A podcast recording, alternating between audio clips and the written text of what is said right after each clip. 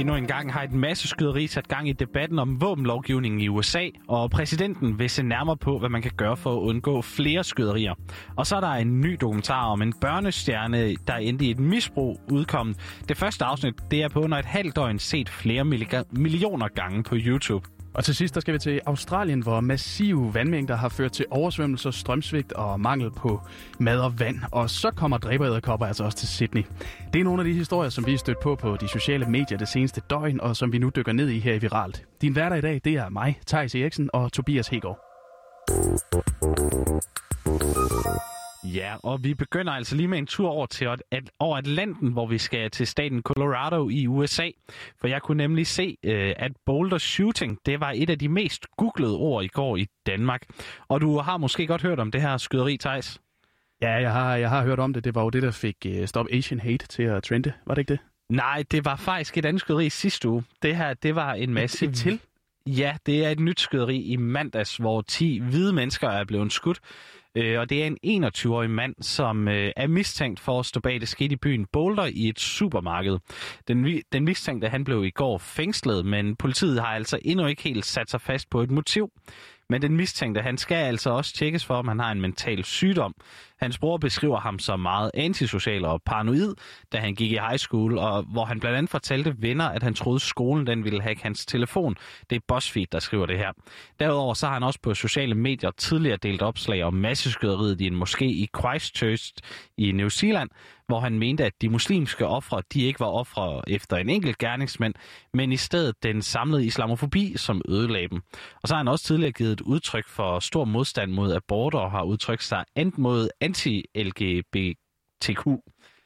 Det, det lyder helt vildt, både at, at der simpelthen har været et skyderi mere siden, øh, siden det i sidste uge, og, og også altså alt det her bag gerningsmanden. Ja, det, det gør det nemlig, og debatten den har altså også raset i USA siden det her skyderi, som jo foregik natten til tirsdag dansk tid.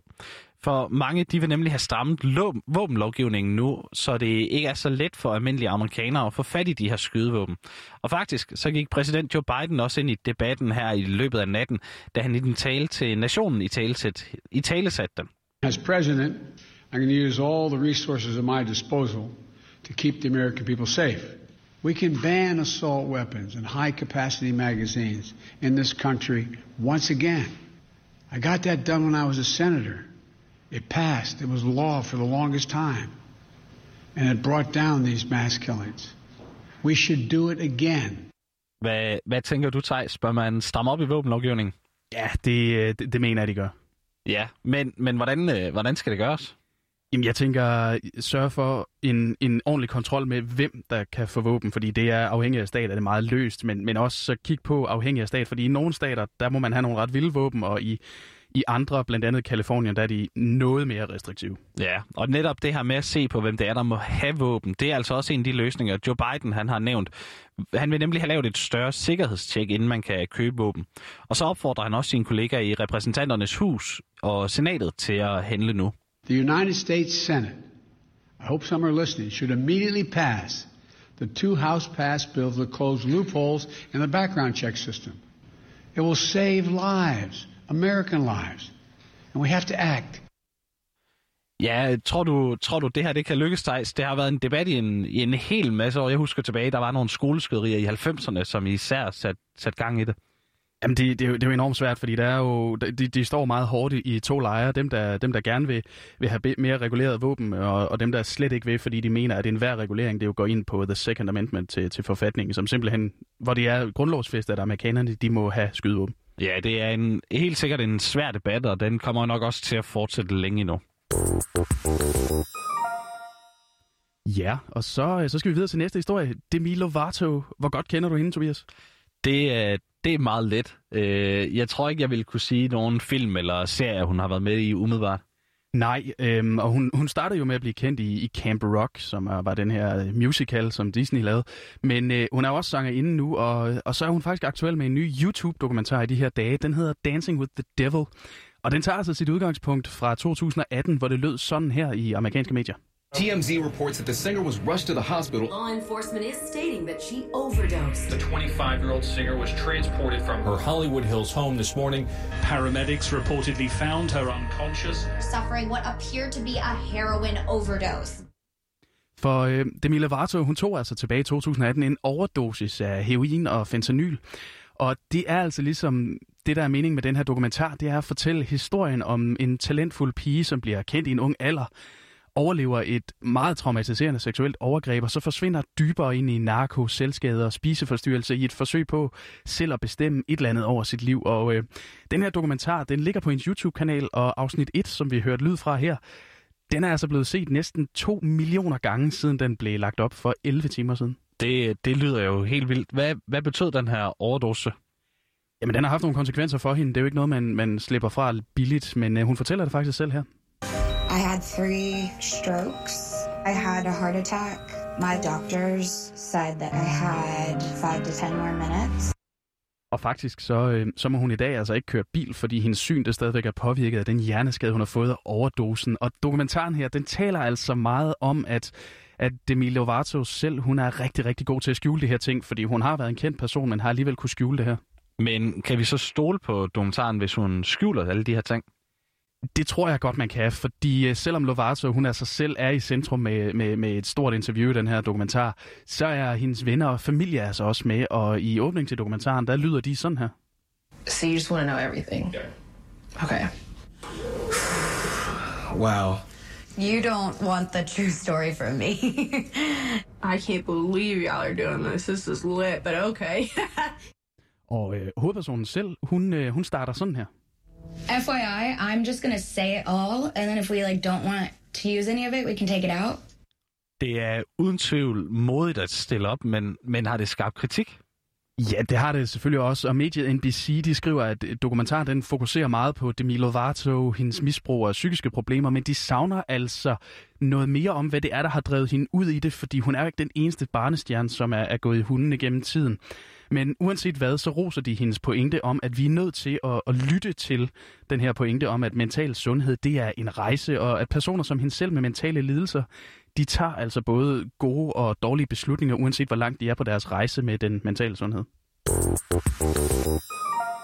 Og fra USA, så skal vi en tur til Australien. For husker du de her skovbrænde, der var i Australien i begyndelsen af sidste år, Thijs?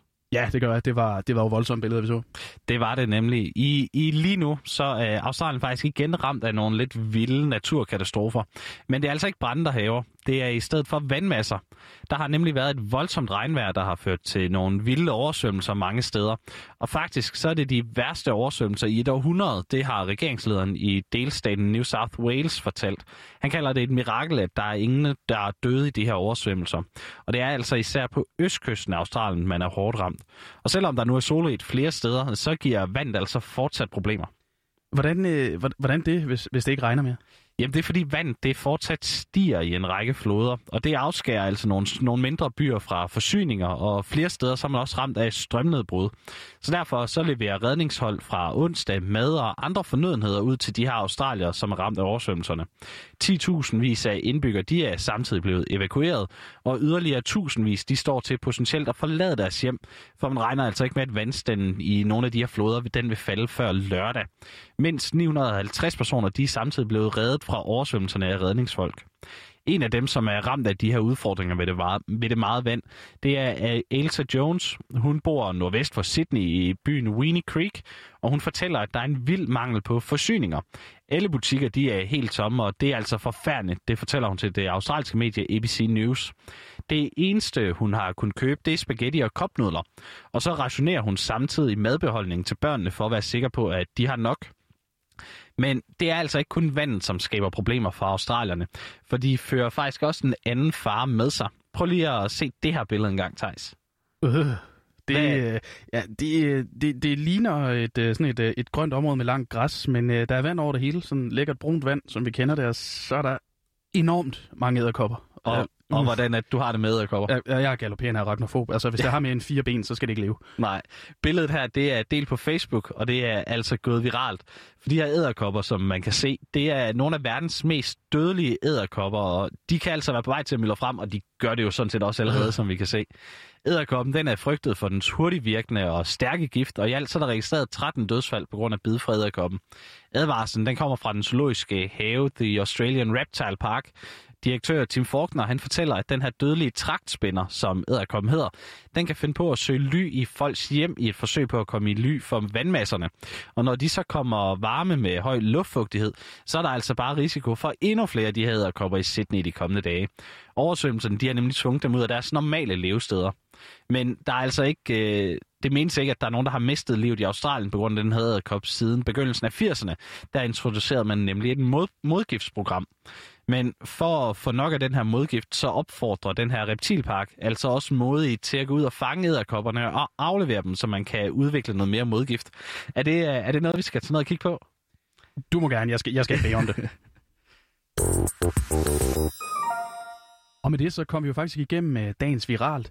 Det øh, var alt, hvad vi havde med her, og din værter, det var mig, Thijs Eriksen og Tobias Hegård, og vi siger tak, fordi du lyttede med.